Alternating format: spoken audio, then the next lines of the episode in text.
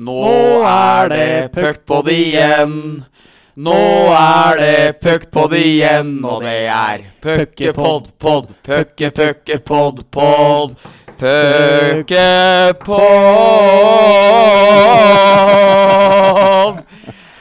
Ah, der fikk vi satt premissene, fader Jakob. Nå har jeg sittet og hørt på den poden her i, i årevis, og dere snakka om hvor jævlig det er å synge den introen der, og fikk virkelig kjenne på det sjøl her. Det grøsser nedover ryggen på meg, men uh, det er en del av gamet. Ja, og så skal det sies at det er en blid og imøtekommende Anders Myhrvold her, og ikke som på Altså, var ikke, det var ikke at han ikke var imøtekommende, men da vi satt på vaktmesterrommet på Manglerud, Manglerud og Øystein Olsen så på oss som om han hadde fått hele jordkloden i hodet mens vi sang, da var vi ikke like breiale. Så, så takk for at vi fikk komme hit, Anders. Og bli møtt med et smil. Ja, og bli møtt med et smil i stedet. Det var helt nanna. jo, veldig hyggelig. Um, hyggelig å ha deg i uh, podden, uh, Anders.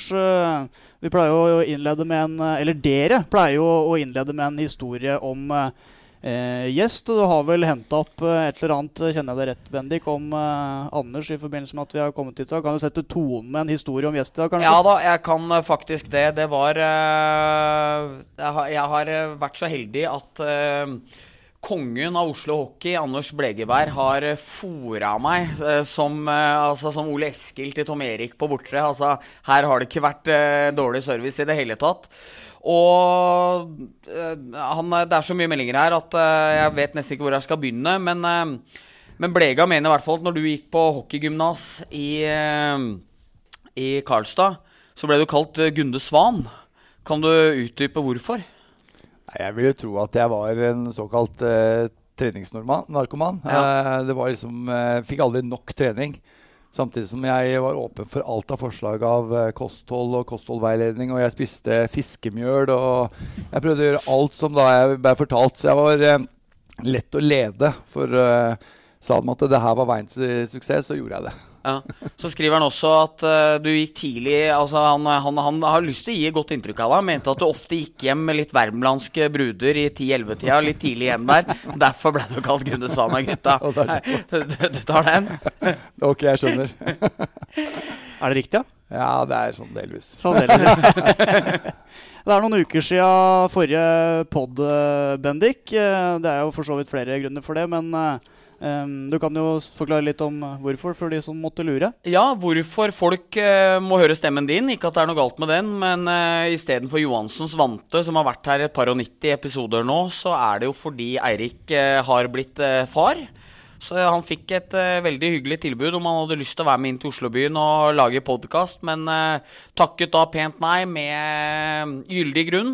Så Johansen får nyte sine første dager som far, så da da er det hyggelig å ha dem med deg innover òg, Jakob. Så ja. det er ikke noe nedtur i det hele tatt. Ja, gratulerer jo selvfølgelig Eirik med det, det store. Og så er det jo litt sånn eh, hva er det heter for noe, æresfrykt når man skal uh, tre inn i andre sko. Så får man Det er jo liksom det vante svaret når det kommer inn noen vikarer eller noen erstattere, er at man skal gjøre rollen til sin egen. Ja. Ikke at man skal liksom prøve å nå opp til den som var her, men uh, gjøre rollen til uh, på sin egen måte. Ja. Så jeg får prøve å, å å få til det her eh, i dag. Men vi har i hvert fall fått med oss en høyaktuell uh, gjest, da, i aller høyeste grad. 71 grader nord, uh, Anders. Er det det du begynner å, å gå på folkemunne om dagen, eller? Jeg har ikke blitt kalt det enda, men jeg skjønner at det er mange som ser på. For det er ganske stort sånn, spekter av folk som kommer bort og ja, syns dette er stort sett gøy. Jeg får utelukkende positive tilbakemeldinger. Jeg regner med dem som har noe negativt, de holder seg på avstand. Uh, men uh, det har vært en det er en morsom, det har vært en kul greie. Uh, eh, 71 sånn i seg sjøl var jo tøft og røft for vi som var med. og så skal man jo på en måte Dette skal vises til folket, så vi er jo like spente vi egentlig som, som folk der ute. Hvordan de ja, framstiller oss. Uh, og derfor, vi har ikke sett noe mer enn dere, så vi er jo like spent, selv om vi veit hvordan det går til slutt. Sånn innledningsvis, hvor, hvor mye er det som blir uh, um, sensurert vekk? Hvor mye er det som går vekk i klippen der? og hvor mye er du glad for at går, går vekk i klippen? Og er det noe du på en måte skulle ønske at uh, har blitt med som, som, ikke er vist? Nei, altså Vi blir framstilt egentlig sånn som vi er. og jeg syns produksjonen har vært ekstremt flinke til akkurat det. For at uh, dere ser at det er en god stemning i troppen. i den troppen som vi er der. Den, den, men samtidig så er det et ekstremt konkurranseinstinkt på veldig mange der. Og Det ser man også. Og så bobler det over av følelser, som også du ser. Og så kommer det noen eh, logiske, kanskje ikke så logiske svar og, og forklaringer. Så det, sånn generelt så er jeg happy med hvordan de, de har eh, framstilt oss. Fordi eh, hadde vi vært eh, litt hvassere teknisk i dag, så skulle vi spilt av klippet når du får totalt rullegardin på Tom Stiansen der. Eh, jeg regner med at de fleste finner, finner det klippet hvis de ønsker det sjøl nå. Men åssen var tonen mellom deg og tommeren etterpå der, da? Det er sånn med oss idrettsutøvere at det blåser over veldig fort. Ja. Og det er veldig hett der og da. Ja. Man må ikke ta det så personlig. Det gjør ikke Tom heller. Jeg kjenner jo Tom privat. Og jeg hadde en, faktisk en utblåsning på han og resten av alpinlandslaget. Vi har gått tilbake, Det var i 1998 når jeg trente med dem. Ja. Da var det en hinderbane jeg følte jeg ble, ble lurt og snytt i. Hvor de da knuste meg. Ja. Og da kom det et uh, Myhrvold-utbrudd. Ja. Så han følte at det var på sin plass så mange år etter at uh, det kom et nytt et. Så han, uh, det var med skrekkblanda fryd han sa at han, uh, han savna det litt. Ja. ja. det er deilig å høre. For du tenner virkelig til deg når du trer opp fra elva og, og tar for deg programlederen etter noter. ja, Det var på sin plass, føler jeg, etter så mange år som programleder, at noen kunne endelig si fra til ja, at nok er nok. Ja. Dere var sikre på at dere hadde seieren der, når du kom opp elva der og, og følte at dere hadde yta maks og og treffe i planken på det som var av oppgaver? Det var ikke å legge skjul på at det fysisk sett, som, som par, så var jo vi sterkest. Eh, og når vi treffer da på eh, av våre koordinater som vi sånn utgangspunkt skal slite med, og, og, gjør egentlig ingen feil, vi bare gønner på, vi er helt i kjelleren, så veit vi at ingen av de andre lagene skal ha muligheten da. Nei. Så da skjønner vi at vi har blitt lurt. Ja. Samtidig som vi har blitt tildelt denne pga. at vi var dårlige i fiskekonkurransen. Ja. Eh, men eh, i utgangspunktet var, den, var den umulig å vinne den eh, etappen, noe ja. de også sier. Men når de står da og kjører bølgen når de kommer inn, da skal det mye til altså, at eh, ikke han fikk den der eh, spaken i huet. Et stunt som vel var i regi da av Frank Løke, som dere gjennom serien har en sånn intern greie mot. Uh, hvordan var den interne greia liksom gjennom hele opplevelsen der? Og, og både konkurransemessig, men også liksom det mentale spillet der da, mellom dere og, og Action-Frank? Altså Med en gang jeg hørte at Action kunne være med, så skrur man jo på at her, er, her må man vinne. Uh, og Frank er jo egentlig skapt for akkurat denne her, uh, turen her. For han er jo han er ute i marka og løper og sykler hele tida. Hvis det er noen som følger ham på Instagram, så er det det han holder på med. Han driver med løpeorientering, så han kan kart og kompass utenat òg. Uh, så vi, Å komme under huden på Frank det var liksom vår greie. Vi må komme under huden på han, Og det viste seg også, det kommer du til å se også, når Frank får overtenning, så mister han alt av logisk eh, retningssans og alt av kart og kompass og, og alt av fornuft. Så vi tenker vi må komme mer under huden på han, og vi gjør jo det mange ganger, selv om han eh, biter tærne sammen og gønner på. Så det, det, blir en hat-kjærlighetsforhold under hele turen her. Men når det er sagt, så må jeg si at Frank var jo Jeg må skryte av Frank, for at utad så, så, fremstår han jo litt eh, som en dust da, i forhold til at han eh, Jeg sa det altså til Frank at det mindre du sier, hvor bedre blir du framstilt. Pga. at han skal være den tøffe og sterke og store og den der, ikke sant, Borat-drakt osv. Noe som jeg syns er litt sånn feil tegning av han, for han er ekstremt lagspiller. Ekstremt omsorgsfull. Og når du er i en sånn setting hvor du er helt utslitt, så, så trenger du positivitet og en som liksom tar vare på gruppa. Der var han nummer én. Altså. Han var helt rå. Mm. Og, og, det blir jo på en måte framstilt sånn i den her nå. Du ser at han har en annen side til seg. For at han var Det, det stussa jeg litt over, egentlig. At han var eh, så behjelpelig da når det dro seg til. Så at, eh, det var, vi fikk et nært eh, vennskap under denne turen her. Men har ikke for å skyte inn for å si, har ikke kanskje det her vært en litt sånn eh, ting? For jeg har jo tenkt på han som litt sånn umoden og dum med Borat-drakta og sånne ting. Altså liksom, Her bare fremstår han sånn jævlig bra, fin fyr og hjelper ikke masse og liksom sånne ting. Sånn, uh, av og til så kan jo realityen virkelig gjøre at du får det innblikket av folk sånn som de egentlig er, og ikke sånn som de tror at de ikke må fremstå. Mm. Helt enig. Og det var det som var greia med det her. at det, han fremstiller Det er når han er, når han er intervjuer, så går han alltid på en smell. For mm. Da prater han om seg sjøl i tredjeperson. Og så går han inn i rollen. ja. Og så er han Arlo Schwarzenegger blanda med Rambo og hele pakka. Ja. Det kan bli litt for mye for uh, hvermannsen ja. der ute. Men hvis han bare er 'less is more', så, less is more, så blir du framstilt som en, en, eh, søt og god gutt, som han er. da. Og så er han knallhard. Når det er sagt, så er det ikke så mange jeg kjenner som tåler så mye smerte som han. Han tåler smerte og innrømmer det aldri. Så uansett hvor mye vondt han har, så, så innrømmer han det ikke. Så han har aldri vondt. Og han er aldri kald. Han stilte alltid opp i shorts uansett om det var minusgrader. Jeg stilte opp Start ball, be cold, sa han til meg. Og så så han på knærne mine. Har du vondt i knærne mine, Sånn hver morgen. Så han, knærne mine er helt fine, sa jeg. Så det ble jo en sånn dragkamp med en gang. Så at, uh, han er um, sterk mentalt i hodet, og så er han en snill, snill gutt må si det var stort der når dere så, så deres eh, øyeblikk når han skulle inn i, inn i toaletteltet, var det vel, å ha seg et privat øyeblikk. Det lot ikke dere gå forbi i stillhet. Nei, Det er utrolig åssen vi kan den garderobekulturen fra hockeygarderoben. Det gjelder å tenke raskt ja. og være effektiv. Ja. Og der gikk det opp til lys ganske tidlig at den der toaletten går an å flytte på. og når han da gjorde et nummer ut av at han skulle ut der og gjøre fra seg, så var et par på sin plass altså, at han fikk den eh, påskrevet. uh, så med mm, Martin Løvmann Ylven, da, som uh, du vel er sjefen for nå. Um, og Åssen er det da å, å, skulle liksom være på nivå og ikke skulle sjefe over han, men heller på en måte være eh, jevnbyrdige samarbeidspartnere da, gjennom hele den 71 grader eh, der? Når hierarkiet er litt mer jevnstilt? Det var akkurat det som var eh, kanskje utfordringen eh, som jeg tenkte på før jeg skulle inn dit. For jeg visste at det her kom til å bli tøft. Det kommer vi til å møte på ting vi ikke kan. Eh, vi har ikke gjort det før. Hvordan er det du opptrer da? ikke sant? Og vi prata mye om det før, for vi er veldig emosjonelle begge to. Vi har mye følelser, som dere har sett. Men, eh, men vi var litt ugreie mot hverandre i starten pga. at vi gikk oss bort. Og det ble jævlig slitsomt for oss. Og da hadde vi, hadde vi avtalt at det er det noe elefant i rommet, så tar vi en debrief. At vi tar en liten sånn eh, vi, Når du kjenner at det er noe gærent, så la oss være ærlige med hverandre, og så prater vi om det. Og det gjorde vi da veldig tidlig i denne konkurransen. Og det var utrolig hvor da den der tryggheten mellom hverandre, samtidig som jeg også tenkte at det, går vi oss bort, så går vi oss bort, tenkte jeg etter det. For at, eh, vi kan ikke ha det sånn som vi hadde i dag. For da hadde begge høy temperatur, og vi ble slitne og lei og litt oppå hverandre. Så vi løste det på en veldig bra måte og kom hverandre egentlig nærmere i forhold til stressa situasjoner og når man er i kjelleren. Mm. Jeg har jo fått med meg at i, i, min rolle så må man kunne å, å, å pense. Ja, det er riktig. Eh, så jeg lurer på om eh, vi penser temaet vekk fra 71 grader nord og snakker litt hockey istedenfor. En hockeypod.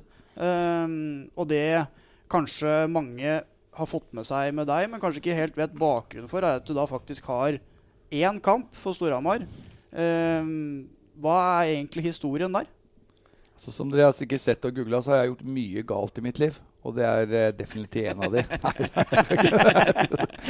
det var, uh, jeg var, spilte i Færrestad, og så hadde jeg blitt uh, drafta i NHL for Quebec Nordics. De hadde spurt meg i Quebec om jeg ville fortsette i verdens tøffeste juniorliga. Da, som var, det er tre juniorligaer. Det er en Western, Ontario og Quebec. Laval Titan, som var da connecta til Quebec Nordics, det lå egentlig bak i bakhodet mitt når jeg da signerte på sommeren for Storhamar. Og hvorfor jeg signerte for Storhamar, var for at uh, det var et lag, et slagkraftig lag. Det viste seg også, for de vant jo NM-gull. Uh, de hadde mye gode landslagsspillere. ikke sant? Ole Eskil osv. Det var mange der å, å se opp til da, i forhold til en del ting. Og så tilbød meg en, en, et godt system i forhold til sommertrening, som var veldig viktig. Jeg hadde heller i baktanken at jeg skulle reise over til Canada i den ligaen. Uh, så jeg trente da sommeren med Storhamar. Og så trente jeg inn mot eh, til jeg skulle dra over egentlig og se hvordan juniorligaen var. Og da fikk jeg med meg den første seriematchen mot Lillehammer. Og da vant jo 9-0. Ja. Så det var jo deilig, da. Ja. Så det var et ordentlig Mjøsderby. Så jeg, det var jo hvorfor jeg valgte Storhamar, var for at det var den mest proffe klubben på det tidspunktet.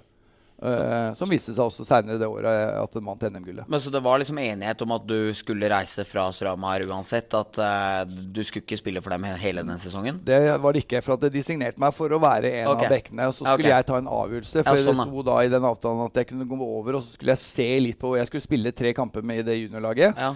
Og så skulle jeg ta en avgjørelse etter det. Og det sto som en klausul i den kontrakten. Okay. Så det var ingenting som var avgjort. Nei. Uh, så hvis dem hadde tuppa deg over der, så hadde du gått tilbake igjen til Suramar? på en måte? Ja, da hadde jeg fortsatt i kontrakten min ja, som vanlig. Ja, ja skjønner. Ja. Så, og så gikk det jo den veien. Så det var for at det var eh, et eh, godt tilbud. Eh, seriøs, de var seriøse. Prata med Finn Paulsen var i der. Han er jo mm. veldig engasjert mm. og påskrudd. Og det var proft lagt fram for en unggutt ja. til å komme dit og trene og utvikle seg. Ja, det skjønner jeg. Som Vålerenga-mann sånn i ettertid? Har du fått mye pepper for den ene matchen og Storhamar for tida, eller er det ikke noe ripe i CV-en din? Jo, har så mye riper i den CV-en min, så at uh, den, ikke, den, tror jeg har bare gått under uh, teppet. Var, var, det Rune Fjelstad som hadde sagt at han trodde du hadde Houdini som agent? For alltid ordna nye ting til deg? Er det ja, riktig? har du ikke sant? Det har vært mye meldinger. Alltid ordna seg.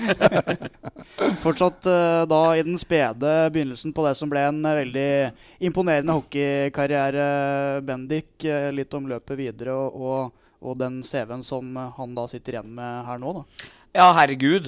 Så viktig for Norge i så mange år. Og kom tilbake igjen og var god. Husker du vi var tilbake igjen i Lokka-sesongen uh, der. Og 54 på ryggen. Og husker jeg var uh, som Storhamar-gutta, så var man har litt sånn sånn smygforelska i Vålinga, så veldig opp til Vålinga selv om han spilte på Storhamar. Så jeg husker jeg hadde jo 54 på, på Storhamar. Og det var jo pga. at jeg syntes Myra var jævlig fet, liksom. Så man ville jo ikke si det, liksom. Men, men, det, men det, var litt eh, store greier, det der. Så Nei, så den reisen du har hatt, er enorm. Og mange, mange sting, mange brudd har du, mange ting har du dratt på deg i kroppen din gjennom uh, altså, blokkerte skudd og den slags. Da. Det blir jo som alle andre hockeyspillere som har holdt på med det som, som profesjonelt, at uh, ting går jo i stykker og ja. leges. Så hvis man skal si har du noe men i dag, så har man jo en sånn kropp som Hvis det er kaldt i lufta ute, så tar det litt tid før han uh, går seg til. Ja. Nå er jeg veldig flink til å holde meg i form, da. Uh, men uh, det er klart knær og hofter og skuldre og sånn, de er slitt. slitt. Ja. Og det, så er det jo sånn tenner og sting og sånn. Det er vel hverdagsen for, for en hockeyspiller. Ja. Så jeg er ikke i, i nærheten av Børje Salming, som er mitt store idol, men jeg har å, jeg har litt å se, stifte med. da.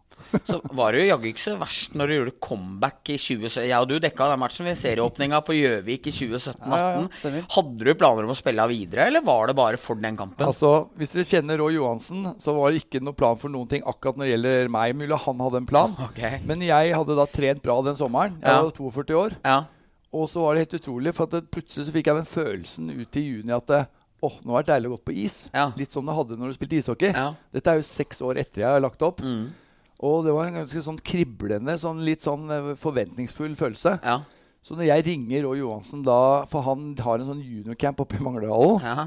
i juli, så sier han 'kom opp hit'. Da har jo jeg på en måte lokka opp døra litt, for jeg kjenner meg i veldig god fysisk form. Ja. Og så skater jeg med de juniorene, mm. og så føler jeg meg veldig pigg. Ja. Og da visste jo jeg på en måte at eh, Roy bare du, A-laget til Vålerenga går jo på is på mandag. Kan ikke du bli med på én trening, da? Og da ble jeg med på en trening, og det funka veldig bra. Ja. Eh, nå skal det sies at jeg har da en kid på to år, ja. samtidig som jeg har da starta dette Camp Myhrvold, hvor jeg jobber hele dager som PT, som jeg egentlig bygger opp nå på det tidspunktet her. Ja. Så det er en ekstremt eh, tøff hverdag. For jeg skal da, etter seks år, skate alle som kjenner Roy. Det er liksom ikke noe lek når du er på isen. Du skal skate. To timer på is, tilbake og jobbe. Jeg sto der i gymsalen og, spiste pasta for å, ikke, for å få i meg næring. Ja. Tilbake og trene her. Og så klarer jeg ikke å gjøre noe sånn halvveis. Så det, vi tok egentlig bare én uke av gangen. Okay. Og så kom det en treningskamp, og så ja. fungerte den veldig bra. Husker jeg første gang med Sparta. Det var en veldig sånn kul greie. Vi spilte mot Sparta i Furusallen. Og så fungerte det bra. Ja. Og så spilte jeg da seks treningskamper. Ja. Men så kjenner jeg i løpet av denne tida her, første sesongen, at uh, det her er brutalt. Ja. Dette her er jo det brutaleste jeg har vært med på. egentlig, For jeg ja. jobber for fullt, og du har en familie, og du skal gjøre et comeback. Og man skal ikke kimse av den ligaen her. 42-åring, Det tar lengre tid å restituere kroppen. Ja. Så du får en bønne. Så, så sitter den lenger i kroppen enn en gjorde før.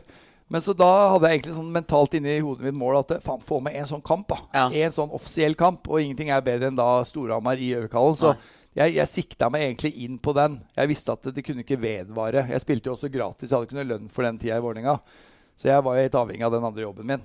Så jeg var egentlig veldig tilfreds pga. at jeg hadde jo så dårlig avslutning egentlig sånn uh, ellers i min hockeykarriere. Mm. Det var jo ganske bråkete avslutning. Ja. Så jeg fikk egentlig sånn spikeren i kista og sagt at det her var egentlig en verdig avslutning ja. for min egen del. Ja. Og, og, så da var jeg tilfreds med noe. Og da er jeg liksom har jeg litt mer ro i sjela i dag. Jeg trenger ikke å gjøre noe comeback her nå i sluttspillet. Nei, og jeg tror kanskje Vålerenga sin del at det er greit òg. Ja. Ja. Men, men, det var jo fett, for du, du fikk en ti minutter. Du kom fra boksen når uh, Patrick takla Tallak Lyngseth ganske hardt og brutalt i, ja. Jeg var, var, tilbake, var, var tilbake igjen da. Og Patrick er ikke vond å be. Uh, Så han uh, er på med en gang. Det som er litt synd, da, at han Johnsen trenger jo ikke gi oss en ti minutter. Eller for meg en ti minutter. Han kunne jo latt oss få herje litt. Det sa jeg til deg òg, husker du det? At det er liksom lite comeback når man har litt ja. forståelse for at litt det kan være litt overtenning Men Johnsen er knallhard, så ja. Men uh, nei da. Ble, jeg husker godt at det ble også tap i den kampen, men det var en uh, god atmosfære og en høy intensitet og en, en kamp verdig. Det var det. Robin Dahlstrøm som avgjorde, Vålerenga-gutten. Ja, han var den store spilleren den matchen. Ja, riktig. Mm. Um, litt om uh, åra dine i uh, Amerika også. Jeg vet at det ikke alltid er en dans på roser å reise dit og gjøre suksess. Uh, hvordan opplevde du den perioden i, i din karriere? Altså, det har vært rock'n'roll. Da jeg kom inn og fikk debutere i 95 eh, for Colorado Avalanche og fikk en fantastisk start, var liksom på verdens beste hockeylag. Hadde jo Joe Sackick, de hadde alle stjernene. Peter Forsberg, you name it. liksom Kamensky. Kom inn der, og da trodde jeg som 20-åring at det, sånn vil hverdagen min bli. Ja. Eh, jeg hadde ikke hørt så mye om American Hockey League. Altså en, på den tida var det en brutal liga. Det er verdens absolutt tøffeste liga i forhold til eh, Du reiser med buss, du spiller seks kamper på ni dager. Det, du pakker bagen din sjøl, du, du, får mat på bussen. Det er liksom ikke noe first class da, som det er i NHL. Så når jeg først da blir, måte, får beskjed om å dra ned til American Hockey League etter en stund oppe i Colorado, så tar jeg det som et sånn enormt nederlag. Eh, hadde jeg visst hva jeg visste i dag, så hadde jeg visst at det er en utviklingsliga som du skal ned og Jeg var jo ikke klar som hockeyspiller. Jeg var ikke klar for NHL som kjøring, selv om det gikk veldig bra i starten. Så det var en brutal uh, hverdag. Og så møtte jeg også på brutale coacher som var røffe Bob Hartley. Som var da en anerkjent coach men også en brutal coach. Det er en coach som jeg kan drømme om innimellom å våkne opp og kaldsvette på, for han brukte frykt da som sin metode. For mareritt den dag i dag. Ja, så han var guffen. Og han, eh, jeg forsto ikke helt, og en unggutt forstår ikke helt eh, metodene. da. Eh, hvorfor Jeg kom jo fem minutter før alle, men da mente han at five minutes early is ten minutes late. Mm. Så da du, skal jeg være en time før, da. Mm. Ja, det må du skjønne, liksom. Mm. Så så han var brutal. Uh, og jeg husker jo egentlig min første møte med American Hockey League. For da spiller vi da borte mot Albany Riverats. Det er da farmelaget til New Jersey. Og da, når jeg kommer ut på isen, så, så utbryter det en, en, fight. Og når det først blir én fight, så er det greit. Da går dommerne dit. Men når det kommer én fight til, da er, som regel, da er som regel coachen sagt ifra til de som skal slåss. At du skal også slåss hvis han slåss. Og da blir det automatisk brawl i, på den tida. Ja. Da er det viktig at du tar riktig mann. For ja. da blir de fem mot fem, og da går dommerne til side. Ja. Og da titter jeg opp. Jeg kommer rundt mål, og så ser jeg opp. Og så ser jeg da bare én sånn svær polakk som heter Kristoffer Oløva, med et sånt kjempehode. En sånn ordentlig fighter som kommer mot meg. Og tenkte i helvete, er det meg han skal ta? så jeg tenker nå skal jeg lure han, så nå skal jeg bare late som jeg ikke ser han. Ja. For jeg skjønte at jeg var helt aleine. Ja. Og så kaster jeg hanskene, og så prøver jeg å takle den. Jeg tror han skal dette. Han er jo to meter lang, og du kan gå og google den. da. Ja. Så han suger tak i meg. Og så første slaget, da, da krekker nesa. Treffer han meg midt i pappen. Så detter hjelmen min ned, og jeg blir hengende liksom bare over den. Og så får jeg noen slag oppå hjelmen, husker jeg. Og så kommer keeperen vår, så Schult Mistra kommer ut, og så bare hopper over den. da. For det er på min, vår blålinje. da. Og jeg går rundt så fortumla utpå der, og så kommer jeg inn i garderoben. Og så kommer jo legen bort og setter inn disse her pinnene i kjent stil inn i nesa for å få knekke denne nesa tilbake. Ordne litt. Og da kommer han Bob Hartley bort, da, og da tenker jeg først at jeg skulle få kjeft for dette, men da sier han Great job, Mirvold! Great job! og da tenkte jeg å fy faen, det er sånn her sesongen skal bli. Da blir det langsesong. Blodig og forslått. Ja, ble blodig og helt fortumla. Sånn liten hjernerystelse og så klar en dag på. Så den, den virkeligheten ble veldig tøff for en 20-åring. Den profesjonelle leden den var brutal. Så jeg lærte fort at uh, måtte ta vare på seg sjøl. Og, og, det her med å være proff. Og, og jeg ble også trada en periode til Boston, hvor det var også bra. Men da ble den, uh, han som trada meg dit. Det var en stor trade, for det var en førsterundedraft de ga bort Boston. Jeg spilte avslutta sesongen i Boston Bruins. Uh, men da når det kom ny sesong og jeg signerte ny kontrakt, så ble han sparka, han som tok meg dit, Steve Casper. Og så kom det inn en ny coach, Pat Burns. Og så ble jeg sendt ned i Farmerligaen igjen. Så det er liksom den, den politiske sida av NHL. Og det kan jo alle norske spillere som har vært der borte, vet hva den går ut på. Mm. Uh, Patrick har vært gjennom det og veit åssen det der du, skjønner ikke hvorfor du har blitt sendt ned igjen, for du føler deg god nok og klar. Uh, og da dro jeg tilbake til Europa en stund uh, og, så, og, og, og havna litt fram og tilbake, da.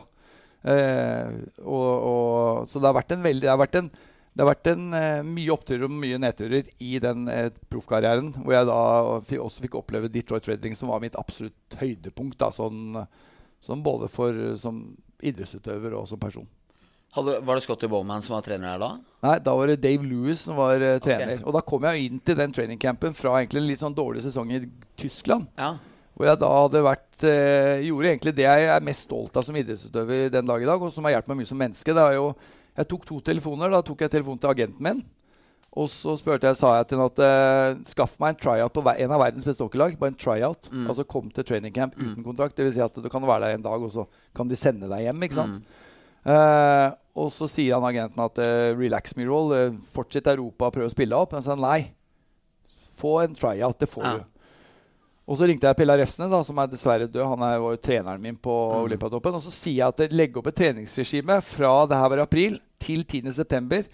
Jeg skal ha tre økter om dagen, og vi skal kjøre beinhardt. Mm. Og da var jeg med alpinlandslaget, altså Kjetil André og de gutta der. Ja. For jeg visste jo at eh, de er gode på knebøy. Allierte jeg med dem. Allierte jeg meg med Ådne Søndrål. Så det trener pga. spensten. Mm. Så jeg allierte meg med forskjellige grupper for å få best mulig der. Da. Og jeg visste at kroppen min tålte mye. Og det var jo egentlig, Hvorfor jeg gjorde dette, var litt pga. at uh, i Tyskland så hadde jeg begynt å bli ikke-toppidrettsutøver. Ja. Da hadde jeg blitt, uh, begynt å klage litt. Klagde på treneren, fikk ikke spilletid. Den klassiske surmul 'jeg har ja. jo vært god'. Ja. Så jeg tok en sånn selvransakelse. Nå må jeg bare komme i best mulig form, for jeg var ikke det da. som 26-åring. Så det det resulterte var at jeg fikk en tryout på Detroit, da, som var da verdens beste hockeylag, kan man si da, i forhold til lønnsbudsjett og alt, mm. med Niklas Lidstrøm og de hadde Setteberg og Dominik Hasek, og de hadde jo bare stjerner. Hatcher og Chris Det var bare Brett Hull var der. Var ja. morsom skue. Så, ja, var det eh, skrue? Ja, det var skrue. Så jeg kom inn på trainingcampen, da var jeg best trent på trainingcampen. Da jeg kom inn der. Og, og da var første gangen i hele min karriere, da er jeg 27 år, første gangen jeg eh, følte at jeg var god nok for NHL. Ja. Altså, jeg har vært mange ganger oppe og trent og spilt og sånn. Men nå følte jeg at jeg var god nok. Ja. Jeg var fysisk på plass. Jeg fokuserte på det jeg skulle gjøre på isen. Eh, raske spillevendinger, god på skøytene, rask og god for, veldig god form. Så det resulterte i at jeg fikk en NHL-kontrakt med Detroit. Mm. Så det er den største bragden for meg sjøl sånn personlig. At jeg da fikk den kontrakten etter å egentlig stå ganske sånn offside året før. Mm. Så da, da veit jeg at alt er mulig, liksom. Men det er bemerkelsesverdig, Anders, fordi når man hører om det her, og på en måte den selvransakelsen, og hvordan du på en måte tar grep for å komme inn i det, klarer å nå målet, og så vet man også skyggesidene med hvordan karrieren etter hvert utvikla seg for deg òg. Hvorfor klarte du ikke, eller hva var det som gjorde at ting begynte å gå skeis fra når man når måla sine, til at det begynner å gå nedover? Jeg tror nok at jeg var ganske rotløs i forhold til at jeg har bodd på veldig mange steder. Altså, ja. jeg, har vært, eh, jeg hadde ikke noe tilhørighet noen steder. For som du sier at det hadde vært, eh, den her proffkarrieren har vært hit og dit og høyre og venstre. Og jeg bodde i en bag stort sett hele tida. Uh, og jeg var nok veldig uvøren med meg sjøl. Det var sånn live hard og play hard. Mm. Uh, trodde det var liksom Det var liksom litt motto. Og NHL var litt annerledes på den tida der. Da var det litt røffere og litt mer jeg skal si, Det var en betydelig større partykultur enn ja. det er i dag. Ja. Uh, det var sånn uh, Gutta oppe til fem, så var de på trening ti, og da så de helt nybarberte og nydusja ut og var ja. klare. ikke sant? Så jeg følte at jeg så litt, litt, sånn, litt opp til de gutta. Faen, de, de, er på dem. Uh, når det gjaldt meg, da, så var jo det, det er som du sier, at det, når du har da holdt på fra du var 20 år til du er 27-28 år, og vært opp og ned og tilbake til Europa og liksom endelig, endelig komme i foten innafor. Verdens beste hockeylag. Ja, og får da også seinere det året tilbud om en enveiskontrakt, som jeg første gang har fått. Det er ja. jo et tyder på at de vil beholde deg og ja, ja, bruke deg. Da var det jo da jeg fikk eh, eh, Da hadde jeg spilt en bortematch, og så var det en av gutta på laget Jeg trenger ikke nevne navnet på han, men han da sa at 'There's a friend when I talk in the toilet', sa han. Ja.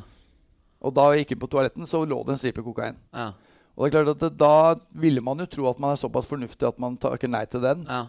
Men det var på, for min eh, del var det egentlig en sånn anerkjennelse at jeg eh, nå er en av dem. Ja.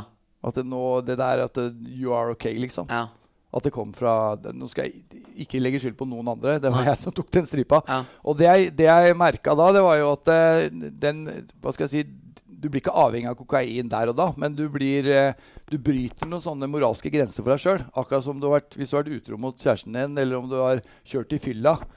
så, så, så, er det lett å gjøre det igjen. Mm. Og for meg, da når jeg har tatt en stripe kokain, skal jeg ikke legge skjul på at det, det var en kul party den mm. kvelden. Mm. Vi dro og møtte Kid Rock i Detroit, og det var liksom Mansion, og det var Heiser og går. Og du, altså jeg lover deg, det var, Vi var oppe og nikka. Ja. Og, og, og, det må man også si, for det er grunn for at man prøvde. Ja. Men, men, det som skjedde da, det var at jeg da seinere den sommeren jeg fikk tilbud fra Detroit, ble da tatt som også har stått, ble tatt med et lite knippe kokain på et utested i Oslo. Ja. Som jeg seinere ble reinvaska for i en sånn rettssak, men det har liten betydelse, egentlig. Ja.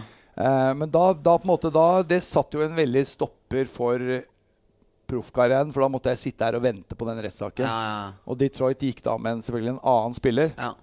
Og da, der, raste jo egentlig korthuset litt for meg. Og da kan man også si hvor kunne du bare hente deg inn, men uh, det er lettere sagt enn gjort nå. Og, og, da ledde jeg på en måte et sånt dobbeltliv med Da begynte jeg egentlig å, å være litt utagerende på den festbiten, samtidig som jeg da spilte i Norge og i vente på den rettssaken. Ja. Og da var jeg som sagt, da var jeg jo god i Norge, pga. at jeg, hadde jo, jeg var jo på plass eh, fysisk og hockeymessig. Så jeg, jeg, kunne jo tillatt meg sjøl å, å, å ja, være på fest litt oftere. Ja. Men sånn sett i, i, ettertid, de smellene du fikk da når du ble tatt og dette ble, ble oppdaga, tror, tror, du kanskje at du kan ha hatt godt av det også, så for å komme ut av den der eh, syklusen du var i der? da? Ja, altså Det som er greia vet du, med eh, man kan si alkoholisme, jeg, det, er, det, er, noe som sitter dypt forankra. Og jeg har jo da vært på rehabilitering. Jeg var jo på rehabilitering i 2007. Eh, og Hockeykarrieren min var ikke over da. Jeg kom tilbake og fikk oppleve Norge i 2008. Mm. Uh, og vi kom til kvartfinale.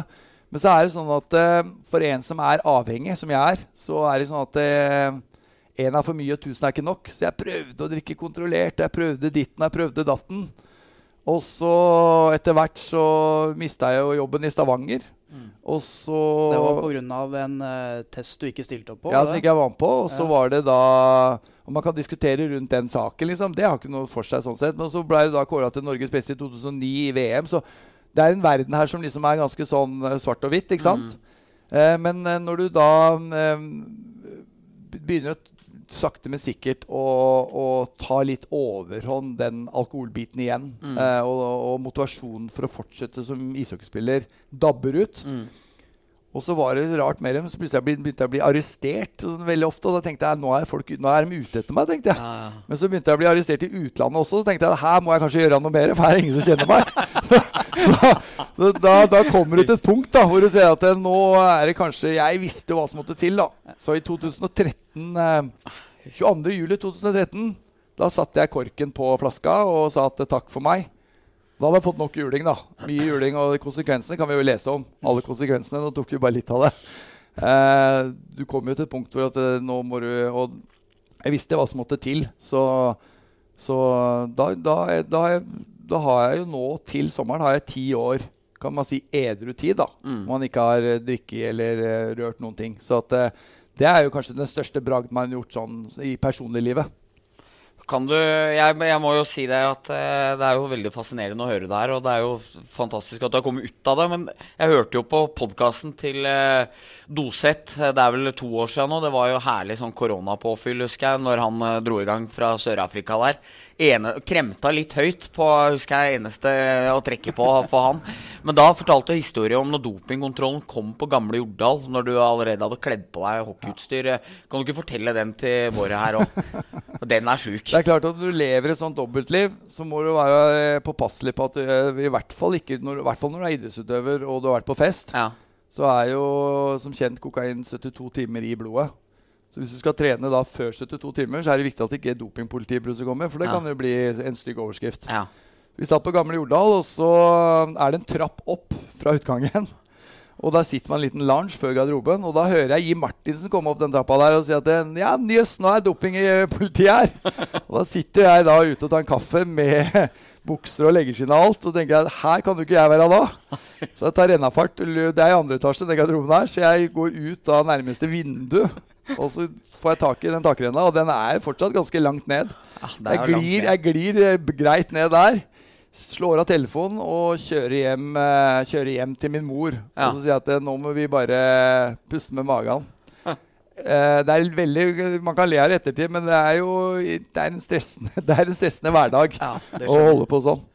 Var det noen, var ikke noe, var ikke noe barn eller noen som så deg? Liksom, var, Nei, Det var noen som så meg, men eh, jeg, de, de trodde vel at det var eh, De, de trodde vel ikke det de så, da. Nei. Når A-lagsspilleren kom ut av vinduet der. Nei, ned, ned takrenna. Hvor er Myhrvold? Jeg ble akutt dårlig. men du tok ikke av deg klærne. Jeg ble så dårlig. Uff, det Har du flere sånne hendelser, eller hvor du på en måte måtte rømme unna for å redde ditt eget skinn eh, mens du Ja, levde liksom, dette det, det, det som er, er at du går og titter litt opp på tribunen hvis du er, før har dårlig samvittighet og du skater rundt. Så du går og titter litt mot inngangene, for du, Ja. vet jo, du begynner å bli kjent med de dopingfolka. Ja. Så du går og titter opp og ser du, Det er paranoid, rett og slett. Ja. da For du veit at det sitter i systemet. Så det er ikke noe behagelig. Nei, høres ikke sånn ut. Så det er befriende å ikke måtte gjøre det noe mer. Ja.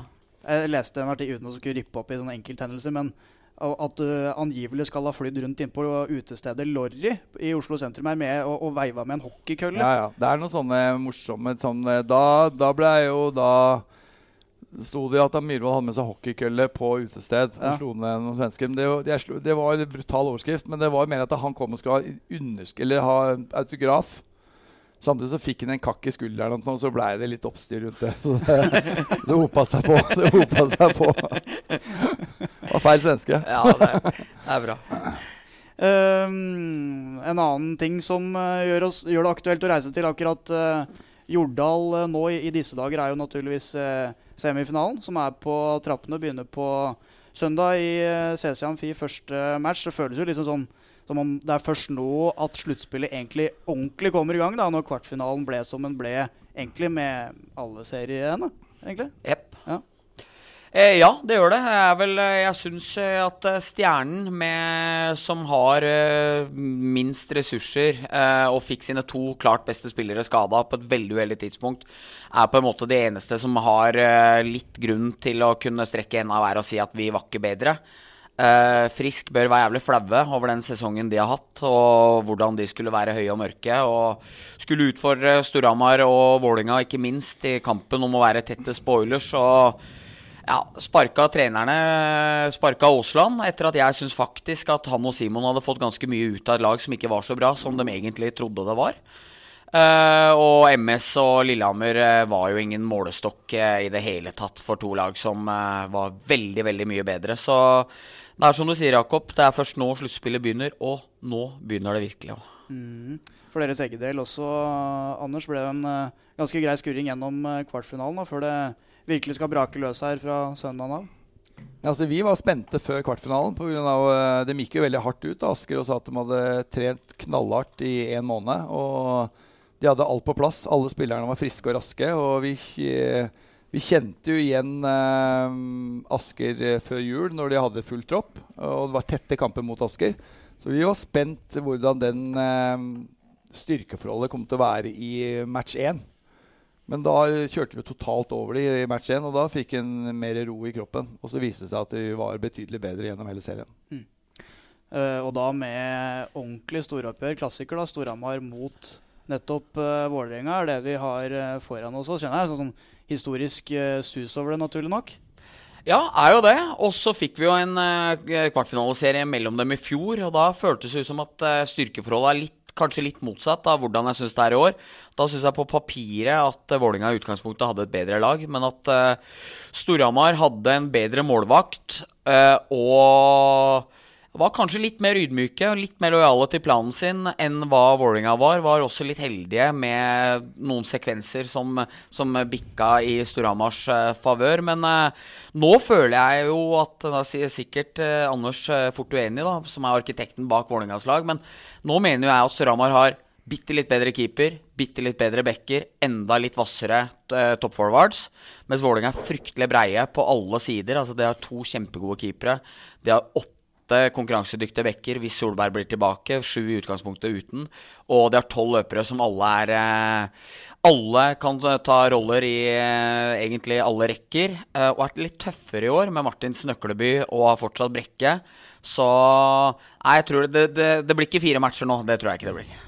Hva tenker du, Anders, om Ja. styrkeforhold og muligheter i det som venter her? Nei, altså Det er som han sier, at det er to breie tropper. Uh, og hvis vi ser for vår egen del, så er eh, troppen uh, den har, den har blitt ekstremt solid på grunn av, mye pga. Fredrik Andersson og hvordan, hva han har jobba med fra dag én. Så du ser at vi opptrer uh, veldig tight og gir opp veldig lite. Det har vist seg også at vi gir opp mindre enn ja, det er 1,5 mål i snitt mot oss.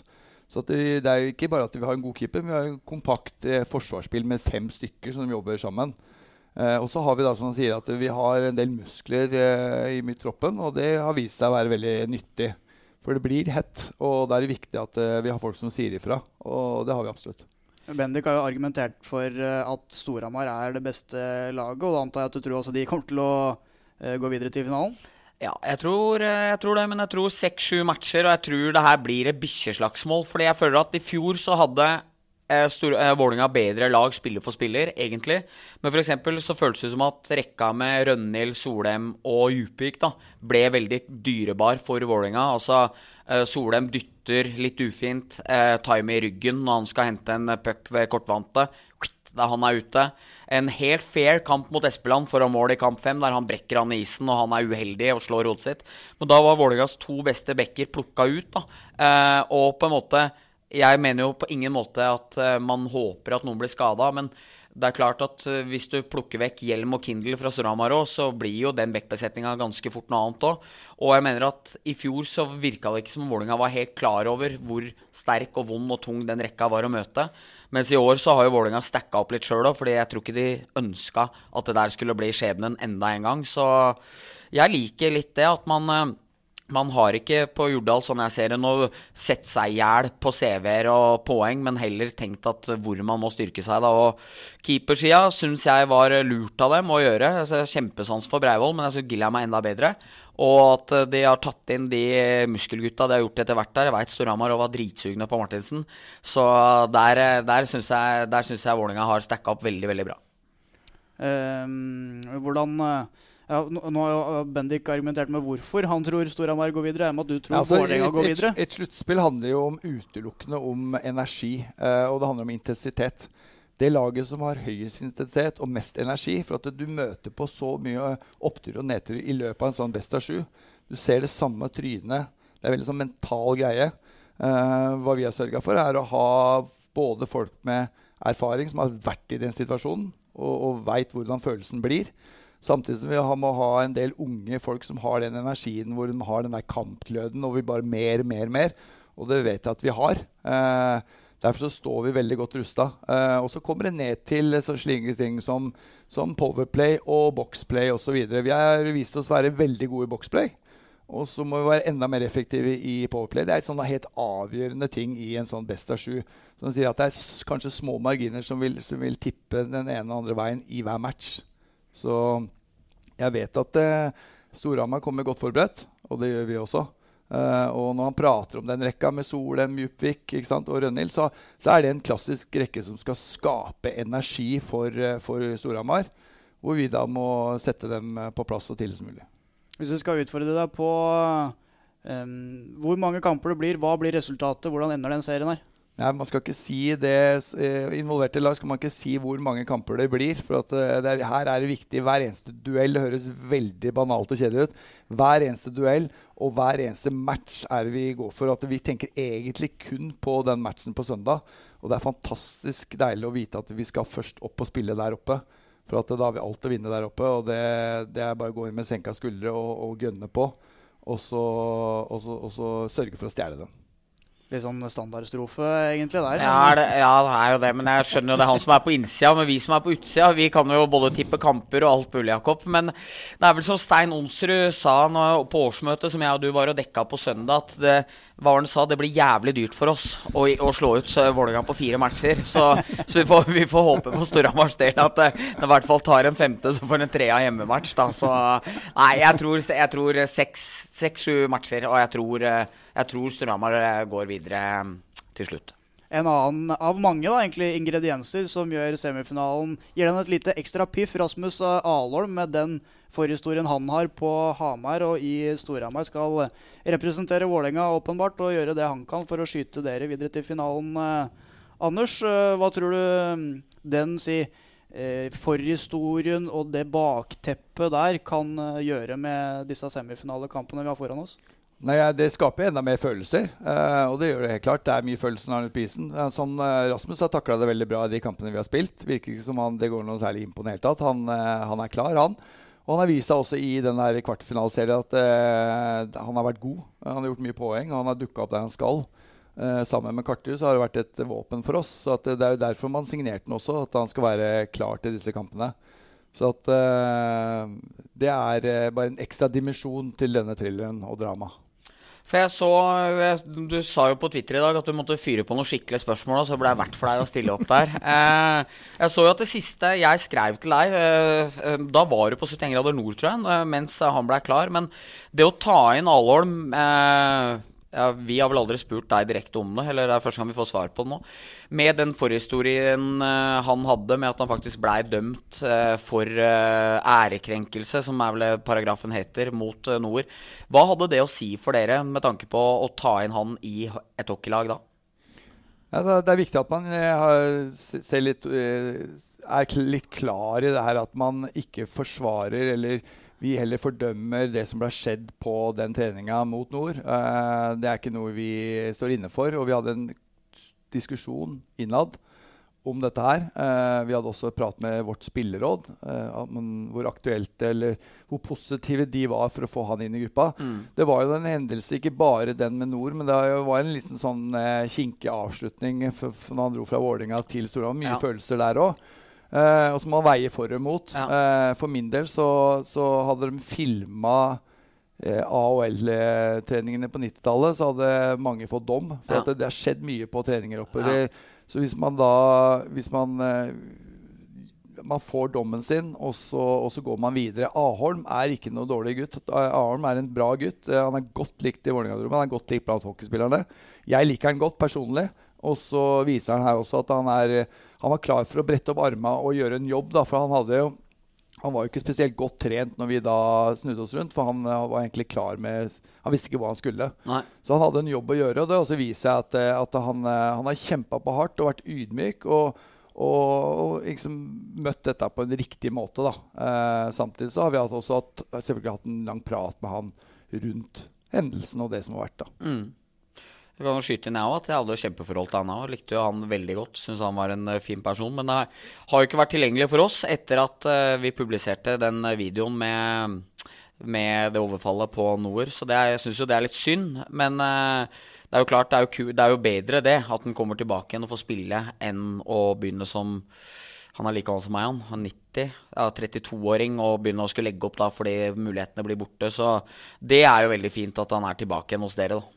Hadde det, hadde det, vært en fyr som hadde gjort dette gang på gang og repetert og fått en sjanse og fått en sjanse, og fått en sjanse, så er det selvfølgelig annerledes. Uh, han er ikke kjent for å, uh, å, å crosschecke folk i ansiktet. Heller kanskje litt andre veien. Heller andre veien, ja. Heller andre veien. Så, så, det må Man må gå turn the page og gå videre, og så, og så kjøre på. Han må nok helt sikkert regne med å få høre det fra Storhamar-fansen gjennom semifinalen, i, i, hvert fall. Og da med eh, søndagen så blir det vel eh, Matt Fjøs, og så var det vel eh, lagt ut noen oppdatering her om at eh, det begynte å gå tomt for billetter for både andre og fjerde semifinale i Jordal også, så dette blir en ordentlig folkefest som vi gleder oss til. Virkelig. Uh, er det kanskje tid for litt uh, spalter, eh, Bendik? Ja, jeg tror det er det. Uh, jeg sendte jo melding til deg i stad, så jeg regner med du har forberedt deg, Anders. Ja, Hæ, det er bra.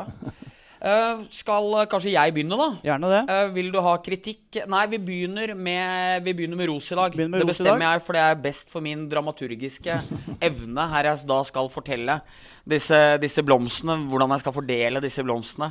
Uh, da skal jeg gi blomsterkvast til Risenga Open på Asker. Jeg vet, du har vært med å vinne der en gang tidligere. det har jeg jo, den forrige helg.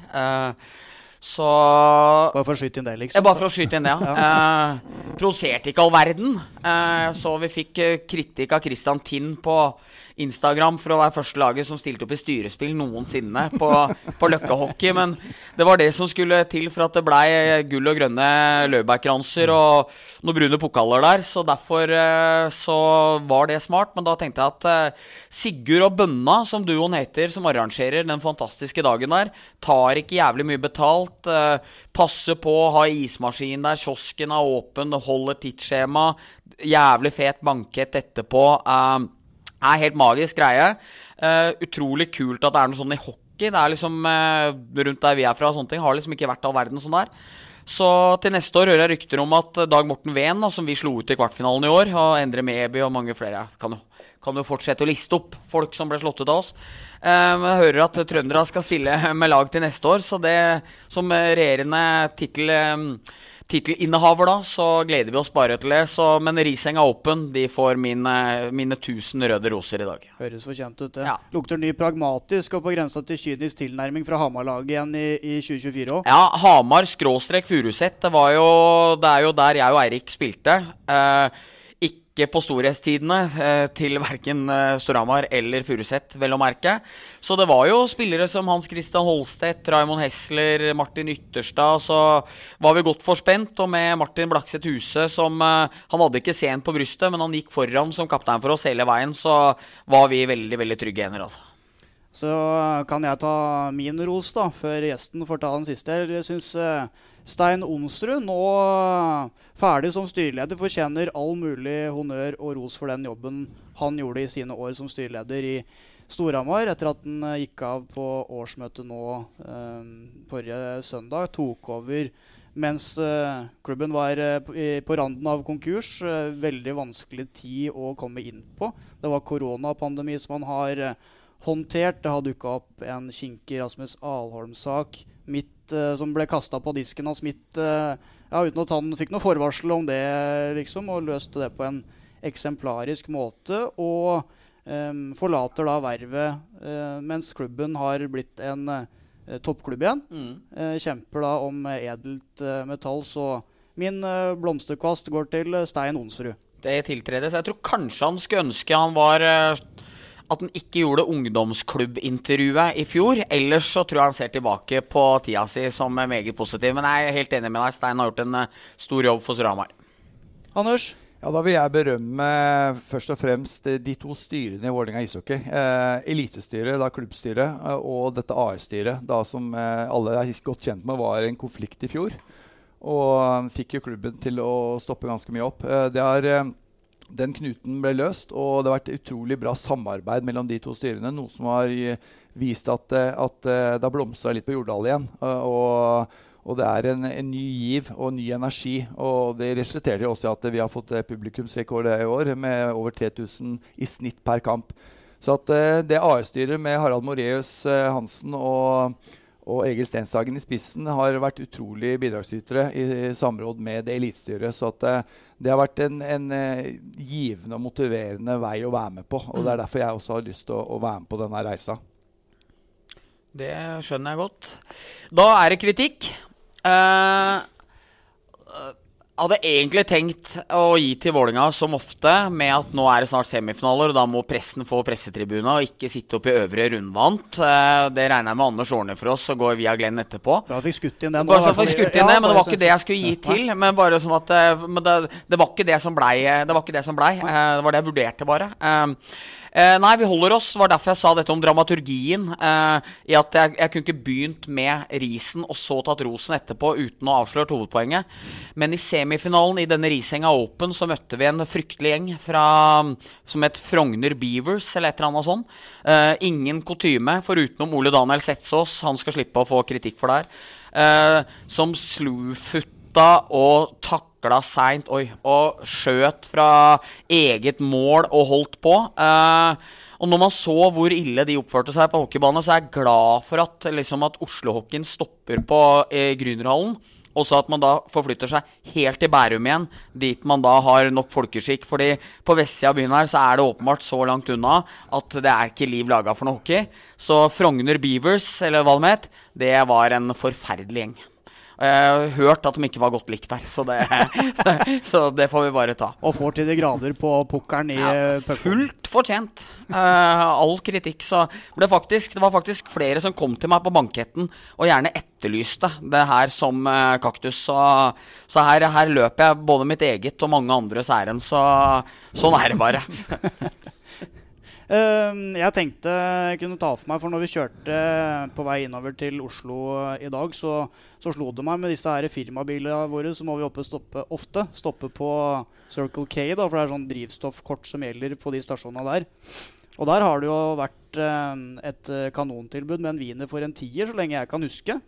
Og så forstår jeg jo at det har vært inflasjon, at ting koster mer og sånt. Men nå var det borte, og nå hadde de heller tilbud for to wienere for 40 kroner. Altså det er tilbud, og prisen er allikevel dobla. Ja. Så det ganske lukrative tilbudet å svinge innom der og ta seg et mellommåltid, har blitt fullstendig torpedert. Så det får ris fra meg og Kaktus da, i poden i dag. Ja, helt enig. Det var jo liksom uh, før jeg gikk inn i familieliv. Eh, Sjøl så pleide jeg jo ofte å svinge oppom ved meg, gamle i Vangsveien der. Uh, tre wienere i brød i sånn hvitt uh, sånn, sånn isoporpakke. Følte meg som Doug Heffernan. Hjem og spise. Middag 30 kroner. Magisk middag, ikke sant? Sennep og hotdog-dressing. Ferdig med det. Rett hjem. Pang. Nå går ikke det lenger. Nå går ikke det lenger. Anders? Det er kaktus eller kokos. Det er samme sak, eller? Ja. Ah, da må det bli Uten at vi trenger å utdype det mer, må det bli Alexander Monsaksen, det, da. Og lar den ligge der? Punktum. nei, du, du, har, du, har ikke lyst til å si noe mer i dag? Uten at Vi trenger jo ikke utøve det noe mer. Nei, nei, nei. Det står jo helt fritt til. um, og når det er um, såpass mange uker siden forrige episode, så lurer også folket på om uh, du har noen uh, røverhistorier å, å by på? Nei, det tror jeg faktisk ikke jeg har uh, i dag, Jakob. Vi er vel uh, godt skodd her i dag, så jeg tror vi bare får Får bare henge i at dette var det vi hadde å by på, rett og slett. Ja, og du har vel, som du var inne på her innledningsvis, en ganske travel hverdag òg. Skal vel tilbake igjen og, og trimme noen uh, finanseliter nede på Aker Brygge. Er det ikke det som hverdagen din i stor grad består av? Jo, absolutt. Vi har uh, team der nede med Cam Myhrvold som trener finanseliten. Men akkurat nå så er det ekstremt mye fokus på det som skjer her, og det er ekstremt morsomt, og vi gleder oss veldig. For det her er en god, gammel hockeyklassiker med masse følelser og entusiasme. Og det kommer til å bli en krig uten like de nærmeste ukene hvor eh, kongeblått skal sørge for å komme vinneren ut. Ja, vi får se. Det blir, eh, det blir spennende der, altså. Det får vi rett og slett eh, se hvordan det blir med. I hvert fall eh, takke for at vi fikk lov til å komme inn på Jordal og møte deg, Anders. Det har vært hyggelig. Ja, veldig i like måte. Tusen hjertelig. Takk for nå. Takk for nå.